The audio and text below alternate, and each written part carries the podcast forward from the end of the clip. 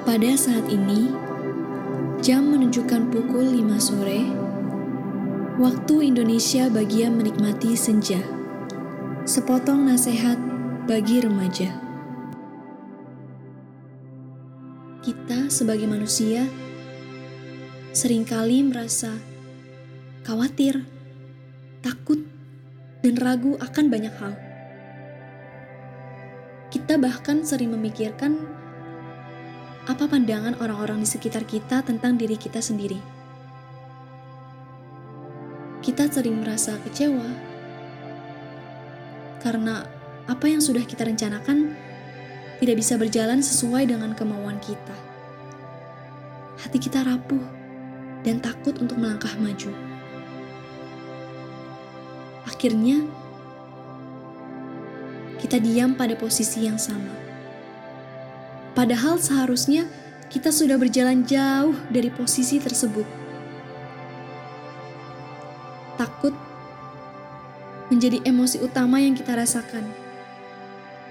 Takut menjadi emosi yang mendominasi diri kita untuk tidak bisa membuat langkah yang baru. Seakan-akan semuanya akan tetap sama. Mau berapa lama pun kita berhenti melangkah, hasilnya tidak akan berubah. Dan sebenarnya di sinilah permasalahannya. Kalau kita memikirkan semua itu, justru kita bisa kehilangan diri kita yang sebenarnya. Padahal ini adalah diri kita. Tubuh, jiwa, dan roh yang Tuhan berikan. Tuhanlah yang paling tahu siapa diri kita. Waktu tidak bisa diputar kembali.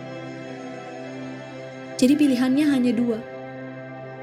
Terus diam dan kecewa, atau maju dan ciptakan jalan yang baru. Teman-teman, percayalah, Tuhanlah yang memegang penuh kendali hidup kita Jangan pernah takut terhadap kegagalan. Percayalah, setiap gagalnya rencana yang telah kita buat, itu tandanya Tuhan mempunyai rencana yang jauh lebih baik. Janganlah kita memfokuskan diri kita pada hal-hal yang membuat kita tidak dapat bertumbuh untuk menjadi pribadi yang lebih baik lagi. Percayalah akan rencananya, dan percayalah bahwa Bersama Tuhan, kita mampu melewati semua tantangan dan permasalahan yang sudah terjadi, sedang terjadi, maupun yang akan terjadi di dalam hidup kita. Sebab dalam Kolose 3 ayat 23 tertulis, Apa pun juga yang kamu perbuat, perbuatlah dengan segenap hatimu, seperti untuk Tuhan dan bukan untuk manusia. Ia akan membimbing kita dalam setiap langkah kita. Jadikan Dia sebagai pemimpin dalam hidup kita, dan biarlah apa pun yang kita lakukan, semuanya hanya untuk memuliakan nama Tuhan. Mari kita berdoa. Tuhan Yesus, terima kasih untuk segala hal yang ada di dalam hidup kami. Kami berdoa agar Engkau terus mengingatkan kami bahwa Engkau adalah Allah yang akan selalu menuntun dan menyediakan. Rencanamulah yang terjadi atas hidup kami. Amin.